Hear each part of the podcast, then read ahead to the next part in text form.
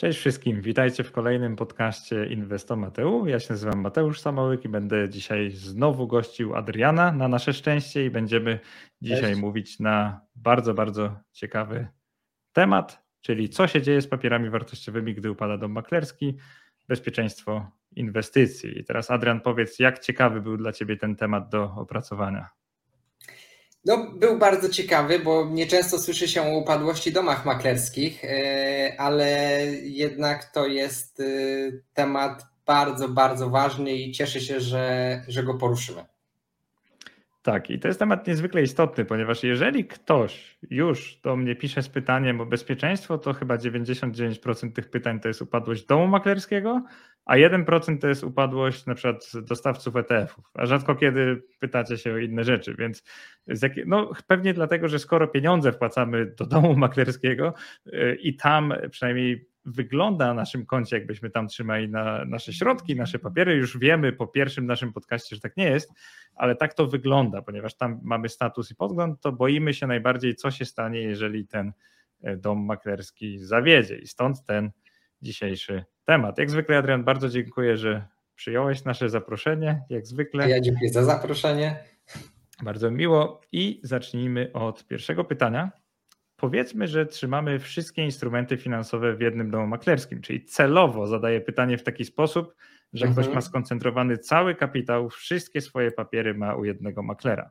Pewnego dnia słyszysz o jego upadłości albo słyszymy wszyscy i czy powinniśmy się czymś martwić jako inwestorzy?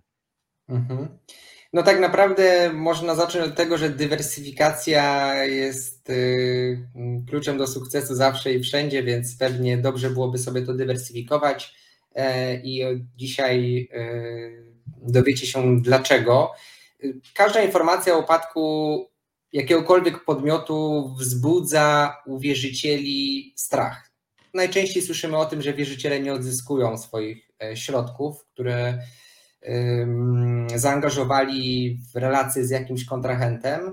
O tyle inwestorzy są jednak chronieni e, przez y, po pierwsze konieczność wyodrębnienia środków y, klientów od środków własnych firmy inwestycyjnej, to raz, a dwa, jesteśmy chronieni jako inwestorzy przez system rekompensat który pozwala nam y, wyjść y, nieco z tej procedury upadłościowej i czekania w kolejce na nie wiadomo co. Oczywiście system rekompensat nie jest idealny i nie zapewni nam pełnej ochrony, więc odpowiadając na razie jeszcze y, tak wstępnie, to Oczywiście należy się tym zainteresować, jeżeli upada, nasze, y, upada nasz dom maklerski, e, ale też y, nie przesadnie się e, bać. Okej, okay. bardzo ciekawa odpowiedź, dająca wiarę i nadzieję w to, że nie jest tak źle, nawet jeżeli korzystamy z usług jednego domu maklerskiego, bo wiem, że sporo osób tak dokładnie robi, zwłaszcza, że można mhm. prowadzić IKE, IGZE i zwykłe konto maklerskie u jednego maklera, więc domyślam się, że duża część słuchaczy dzisiejszego podcastu jest dokładnie w tej sytuacji i bardzo nie chciałaby usłyszeć, że upadł ich dom maklerski. E, dodam od siebie tylko, że faktycznie z tym bankructwem w Polsce jest coś takiego, że jeżeli na przykład prowadzimy firmę i słyszymy, że nas, nasz kontrahent upadł, no bardzo się przejmujemy naturalnie, bo mamy takie przeczucie, że niczego już nie odzyskamy, że, że, tak. że wszystko przepadło, prawda? Mhm. Niestety tak jest, niestety tak jest. Ale tutaj na szczęście dajesz nam nadziei, że jest trochę tutaj inaczej. coś dostaniemy. Tak, i w tym kontekście jak dokładnie jest inaczej, czyli co się dzieje, jak, jakie mhm. są te kroki, znowu tak po inżyniersku trochę, mhm. E, gdy upada dom maklerski. Jeżeli wolisz, nie musi być krok po kroku, bo to zależy od twoich preferencji, e, natomiast pewnie tak by było najlepiej, jeżeli umiesz to tak krok po Jasne. kroku opisać. Y, postaram się to y, pokrótce przedstawić. Y, tutaj więcej do zrobienia ma po prostu syndyk w przypadku upadłości domu maklerskiego, ponieważ oprócz zajmowania się tą masą upadłości, on ma też swoje obowiązki związane właśnie z systemem rekompensat. Ten system rekompensat, on jest, można powiedzieć, zarządzany przez KDPW I w pierwszej kolejności syndyk niezwłocznie, ale nie później niż w terminie 6 miesięcy od dnia ogłoszenia upadłości mm, przedstawia Krajowemu Depozytowi Papierów Wartościowych po pierwsze listę inwestorów uprawnionych systemu rekompensat.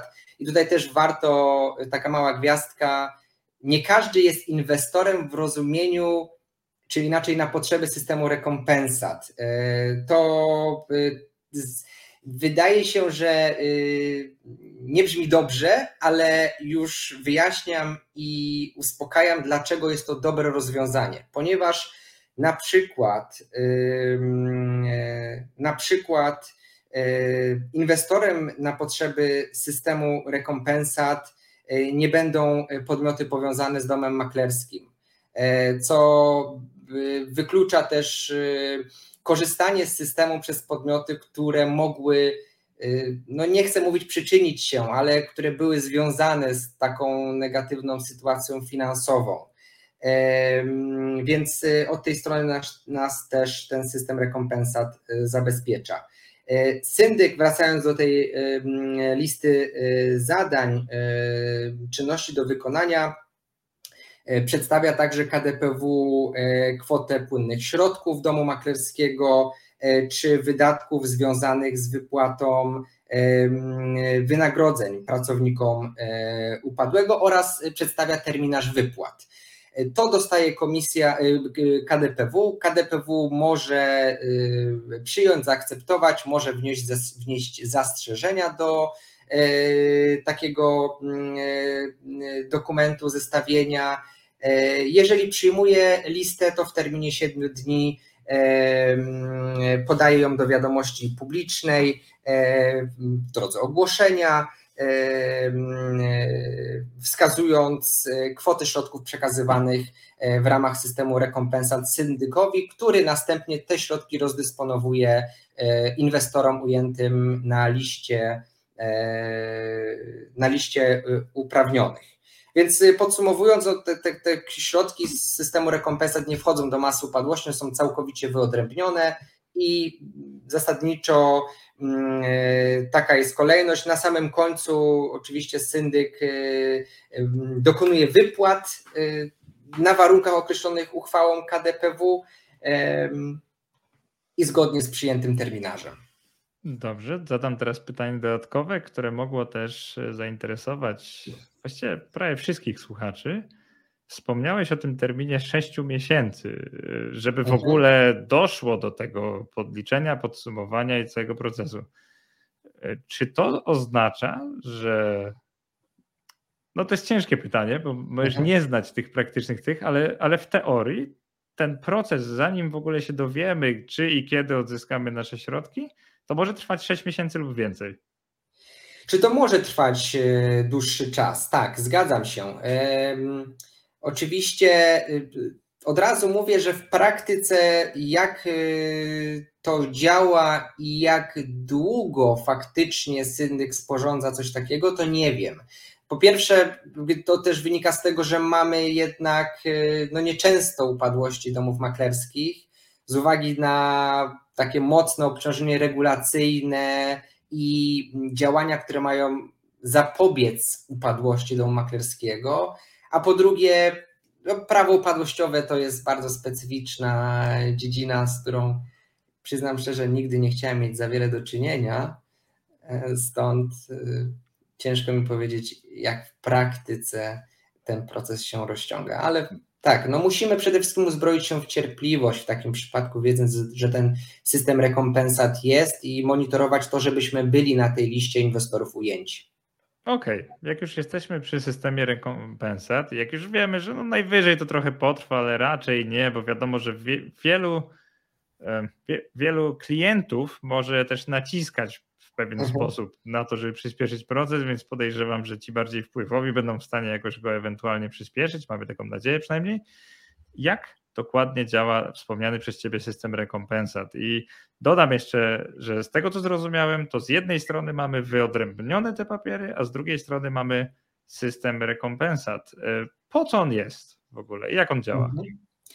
No właśnie, bo system rekompensat y, zapewnia nam zwrot środków pieniężnych powierzonych firmie inwestycyjnej oraz y, ma nam zrekompensować y, wartość utraconych papierów wartościowych.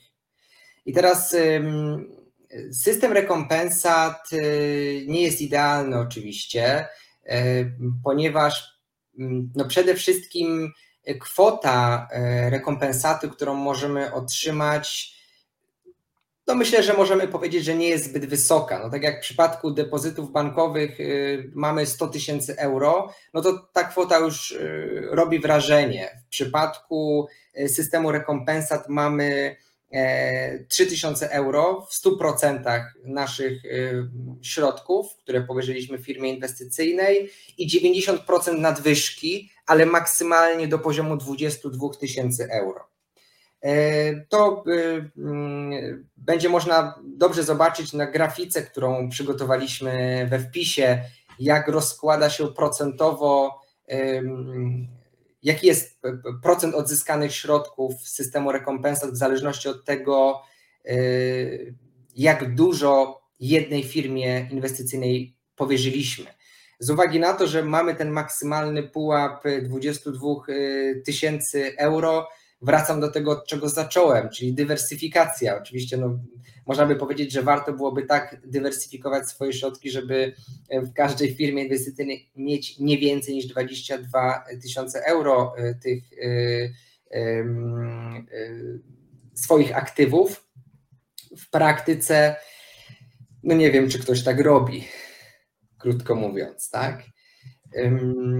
I te i teraz, o, o, jak już mamy kwoty, to, to teraz jaki jest y, cel systemu rekompensat?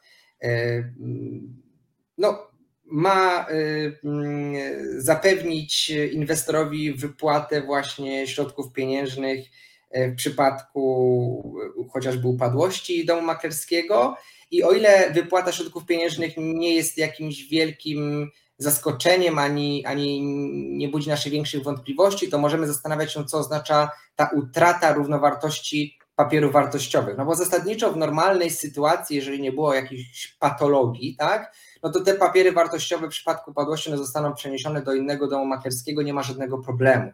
Natomiast y, no, może zdarzyć się tak, że jakimś cudem na naszym rachunku papierów wartościowych nie będzie tyle akcji, ile powinno być. E, z poprzedniego wpisu mm, dowiedzieliście się, że to jest bardzo mało prawdopodobna sytuacja, ale jak można chociażby przeczytać na stronach KDPW, e, mm, niewykluczone, że wystąpi. I w takim przypadku e, mm, powiedzmy, może inaczej, e, na przykładzie, tak? E, chcieliśmy kupić 200 akcji spółki X i na naszym rachunku papierów wartościowych powinno być zapisanych 200 akcji spółki X. A jakimś trafem jest tam tylko 100 akcji spółki X, więc 100 akcji spółki X e, to są akcje, które zostaną przeniesione i nadal będziemy je mieć. Natomiast w przypadku tych 100 brakujących, one powinny zostać objęte systemem rekompensat jako utracone papiery wartościowe w tym przypadku, czyli równowartość e, zostanie nam wypłacona. Jest to oczywiście smutne w pewnym sensie, bo to nie jest nasza wina, że tych papierów tam nie było, plus jak już Adrian powiedział, mhm. To nie są takie wysokie kwoty tych gwarancji, nazwijmy to, zwłaszcza w Polsce. Z jednej strony wiemy, że polscy inwestorzy giełdowi raczej nie dysponują jakimiś ogromnymi portfelami. To tak nawet jak się wejdzie na bloga i trochę poczyta komentarze, to widać, że no taki przeciętny portfel powiedziałbym, że to jest kilkanaście, kilkadziesiąt tysięcy złotych i, i, i to jest tyle. Mhm. Raczej mało kto posiada więcej, więc ten system może nie jest taki fatalny wcale. Z drugiej strony, tak jak Adrian powiedziałeś, to nie jest częste, że on w ogóle, że tak powiem, wejdzie w ruch, że będzie potrzeba jego użycia, ponieważ zazwyczaj e, liczba papierów na rachunku będzie się zgadzać no, no z tym, co mhm. powinno być, więc ten system nawet mhm. nie będzie musiał być uruchamiany. I teraz mam pytanie dodatkowe. Kiedy środki z systemu rekompensat będą wypłacone? I to nie jest pytanie kiedy, w sensie w jakiej sytuacji, bo to już mhm. powiedziałeś, tylko jak długo może to trwać, bo to nas zawsze interesuje i tak naprawdę skąd się wzięły te środki, czyli kto wpłaca do tego systemu rekompensat i kto wypłaca nam jako inwestorom rekompensatę. Mhm. Y, no to co do, co do momentu wypłaty środków, wszystko zależy od tego, jak y, syndyk sprawnie przeprowadzi te czynności, bo mm, y, powinien podjąć je niezwłocznie, no ale nie później niż w terminie 6 miesięcy, co jest jednak długim okresem. Natomiast na system rekompensat, krótko mówiąc, składają się firmy inwestycyjne. E, więc y, mm, to, to jest taka zrzutka na rzecz y, y, tego, aby inwestorzy mogli spać e, spokojnie. E, natomiast sama wypłata, czyli tak od strony technicznej dokonywana jest przez syndyka, który otrzyma te środki z KDPW po zatwierdzeniu listy inwestorów terminarza przedstawionego przez y, syndyka. On jest jakby dysponentem tych środków, ale może wypłacić je tylko y, no, tym, którzy są uprawnieni z systemu rekompensat. Wszystko jasne. E, proste pytanie, prosta odpowiedź. I kolejne pytanie, myślę, że też proste. E, tam tylko mały background. Dla tych, którzy mam nadzieję zrozumieli, jak to działa, bo teraz zakładamy taki scenariusz, że posiadamy tylko papiery, nie posiadamy w ogóle gotówki u maklera, zero. E, mhm. Same papiery i nie było tam żadnych machlojek, żadnych przekrętów, czyli te papiery dalej są. Wobec tego pytanie brzmi, co z instrumentami finansowymi inwestora na rachunku upadającego domu maklerskiego? Czy one po prostu zostaną przekazane mu przez syndyka, czy coś innego się z nimi dzieje jeszcze? Mhm. Tak naprawdę zadzieje się to, co y, może się zadziać bez upadłości domu maklerskiego, czyli przeniesienie ich do innego, e, innej firmy inwestycyjnej. E, przeglądałem sobie ostatnio e, oferty czy, czy informacje firm inwestycyjnych na temat przenoszenia i wszystkie bardzo otwarcie o tym mówią, że umożliwiają coś takiego. Czyli jeżeli dzisiaj mamy w jednym podmiocie swoje papiery wartościowe, możemy je przenieść do innego podmiotu, na inny rachunek papierów wartościowych. Jest to bardzo E, sprawnie i szybko działająca e, usługa, więc w takim przypadku też coś takiego powinno się zadziać. Okej, okay. bardzo konkretna odpowiedź. E, teraz dopowiem od siebie, że te transfery też się robi między na przykład kontami maklerskimi IKE, między kontami maklerskimi IGZE, także to jest dość powszechna praktyka. Z tego co wiem, nawet część y, czytelników, słuchaczy robiła takie transfery między polskimi a zagranicznymi biurami maklerskimi, oczywiście bez żadnych upadłości, więc jeżeli to jest podobny proces, to, to jak najbardziej jest to y, zrozumiałe. Jakieś też słyszałem o tym, że nawet przy niektórych upadłościach takie biura były jakoś automatycznie wybierane, że po prostu wszystkim klientom tam sugerowano przenieść środki, ale też oczywiście klient musi mieć wybór, więc podejrzewam, że jakby co będzie się dało wybrać inną instytucję, jeżeli ma się konto już e, gdzie indziej. E, Adrian, wobec tego kolejne pytanie. Jak powinna wyglądać procedura odzyskiwania środków? Czyli słyszymy o tym upadku maklera i co, powinniśmy czekać biernie na to, aż syndyk zrobi swoją robotę, czy możemy zrobić coś, żeby upewnić się, że na pewno odzyskamy nasze środki lub papiery? Mhm. Tak naprawdę mm, przede wszystkim powinniśmy uzbroić się w cierpliwość e, i e, mm, liczyć na to, no to może jest e, zbyt naiwne, tak? Liczyć na to, że jednak syndyk sporządzi tą listę, na której my się znajdziemy. Tak powinno być. Nie wykluczam też sytuacji, w której my możemy bezpośrednio zwrócić się do syndyka z informacją, zapytaniem o status postępowania, o kwestię sporządzenia takiej listy. Dlaczego nie? E, jeżeli prawo nam tego nie zabrania, to, to możemy oczywiście to zrobić. A reszta będzie się działa już po stronie syndyka, KDPW i, no i musimy czekać na wypłaty środków, więc ta cierpliwość tutaj będzie kluczowa i zachowanie mm, no, takiego, na ile to możliwe, spokoju w tym przypadku. Okej, okay. E, takie pytanie dodatkowe do, do tego, albo w ramach tego pytania, tak naprawdę.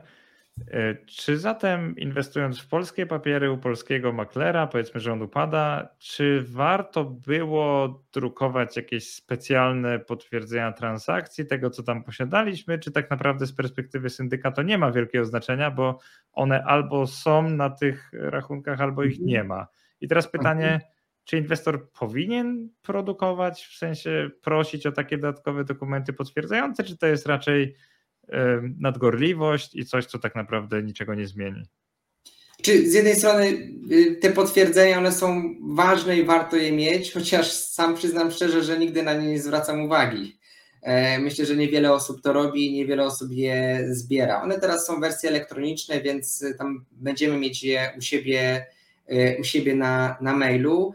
Mm, y, wydaje mi się, że to y, byłoby potrzebne, y, mm, gdybyśmy się na tej liście nie znaleźli jakimś cudem e, i mm, musielibyśmy, no właśnie tylko co, wykazać, że e, jesteśmy inwestorami, klientami tej firmy inwestycyjnej, na co dokumenty będziemy mieć. I no więc y, powiedziałbym, że dobrze byłoby mieć gdzieś w swojej skrzynce te potwierdzenia transakcji, e, jeżeli one były oczywiście wystawione prawidłowo na prawidłową liczbę papierów wartościowych, e, no to zawsze jest taki instrument dodatkowy zabezpieczający nasze interesy. Okej. Okay. No, jak to mówią, przezorny zawsze zabezpieczony. Tak myślałem, ja. że tak odpowiesz, ale ja bym powiedział to samo, że. Asekuracyjnie, tak. Zawsze tak, lepiej. Może, lepiej. Mhm. Tak, być może to niczego nie da, ale zawsze lepiej je mieć.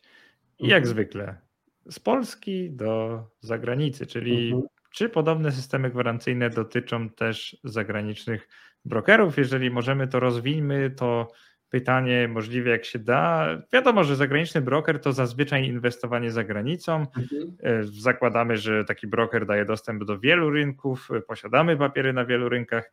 Ten mhm. broker upada, słyszymy jakieś takie fatalne wieści ze wszystkich mediów finansowych, myślimy sobie, o, cholera, akurat Mateusz polecił mi tego brokera, jak on mógł, akurat on upadł, co ja mam teraz zrobić?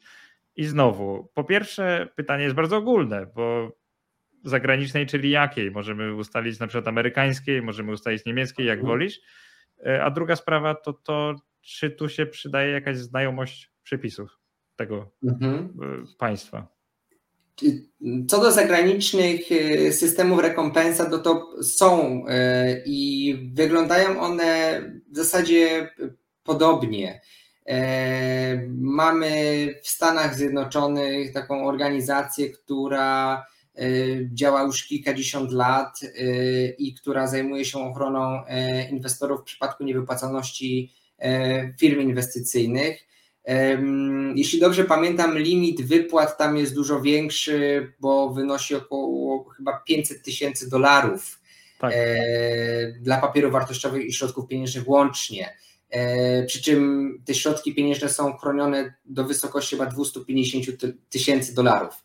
E, przepraszam za to chyba, ale to jest jakby system amerykański, wygląda Wydawać by się mogło podobnie, ale pewnie mechanizmy wypłaty są całkowicie, e, całkowicie odmienne. Natomiast już widać, że skala ochrony jest dużo, dużo większa. Dużo większa jest e, kwota e, objęta tym systemem rekompensat.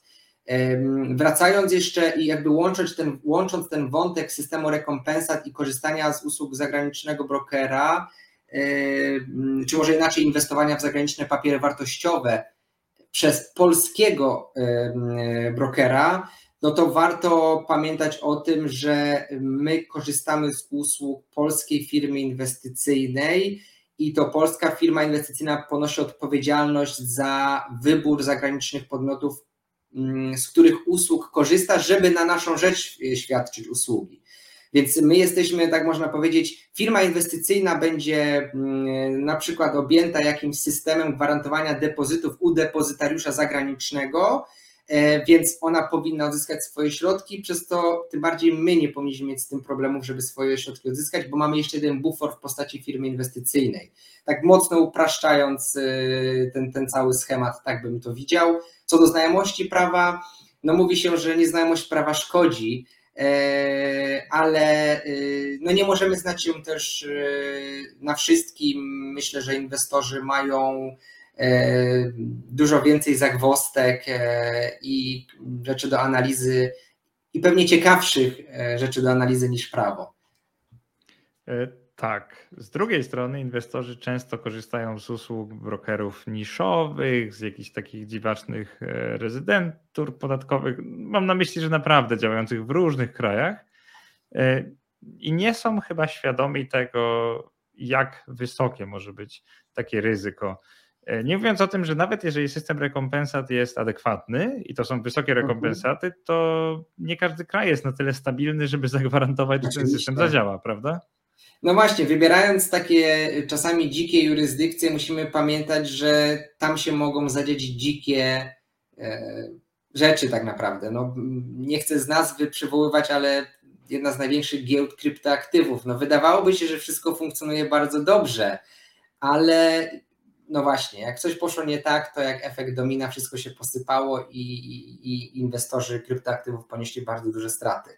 Więc warto wybierać rozsądnie, I jak to się mówi, warto wybierać sprawdzone rozwiązania. Tak, ja się z tym zgadzam i czasami nawet jak tworzę rankingi kont maklerskich, to dodaję punkty takim sprawdzonym, wieloletnim rozwiązaniom z takich bezpiecznych, nazwijmy to nawet bardziej zachodnich rezydentur, a odejmuję instytucjom, które mają pozornie lepszą ofertę, ale z takiej, no nie chcę powiedzieć mhm. lichej rezydentury, ale mniej znanej. Już nie mówiąc o tym, że same firmy są takie, że słyszę nazwę pierwszy raz.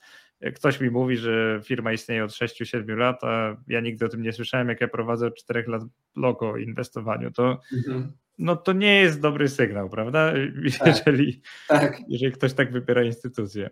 E, na sam koniec, prawdopodobnie najciekawsze pytanie, myślę, że każdy na to czeka. E, czy możesz opowiedzieć nam o jednym lub kilku przypadkach nieuczciwych maklerów. Y, coś jest w tej nieuczciwości, w tych właśnie machlojkach, że ludzi to bardzo interesuje. Myślę, mhm. że tego też boimy się najbardziej. Y, tak mhm. jak teraz nawiążę też do Twoich początkowych odpowiedzi, na pewno nie chcielibyśmy takiej sytuacji, że coś dzieje się źle z domem maklerskim, mieliśmy 500 papierów, a nagle wychodzi, że mamy 100, e, pozostałe 400 jest tyle warte, że z systemu rekompensat dostaniemy dość niewiele, bo mieliśmy bardzo duży majątek, ale akurat w akcjach jednej spółki, które przypadkowo nie znajdują się na naszym e, koncie. Więc czy możesz nam przytoczyć takie przykłady, jak to wyglądało i jakie mhm. jest naprawdę ryzyko? Mhm. Choć e, zawieranie transakcji przez brokera nie obfituje w jakieś takie bardzo spektakularne, e, jak to się mówi, case'y, to mamy kilka takich i Stany Zjednoczone są, czy znaczy Stany Zjednoczone często są dobrym źródłem takich ciekawych przypadków nadużyć na rynku kapitałowym, e, też chętnie z tego korzystam. E, więc jakby przechodząc już do, do, do rzeczy, no mieliśmy właśnie przypadki, gdy broker zawierał transakcje e, bez zlecenia klientów. E, I to były przypadki albo zawierania transakcji bez zleceń klientów, tak po prostu, albo coś jeszcze, były przypadki podrabiania podpisu klientów. No i w ten sposób e, broker wyprowadzał sobie środki i korzystał z nich w prywatnych celach. Były przypadki, gdy mm, e, broker bez zlecenia klientów zawierał transakcje e, sprzedając, e, kupując akcje, które można powiedzieć z drugiej strony sprzedawał. Więc w ten sposób sam sobie tworzył podaż i popyt.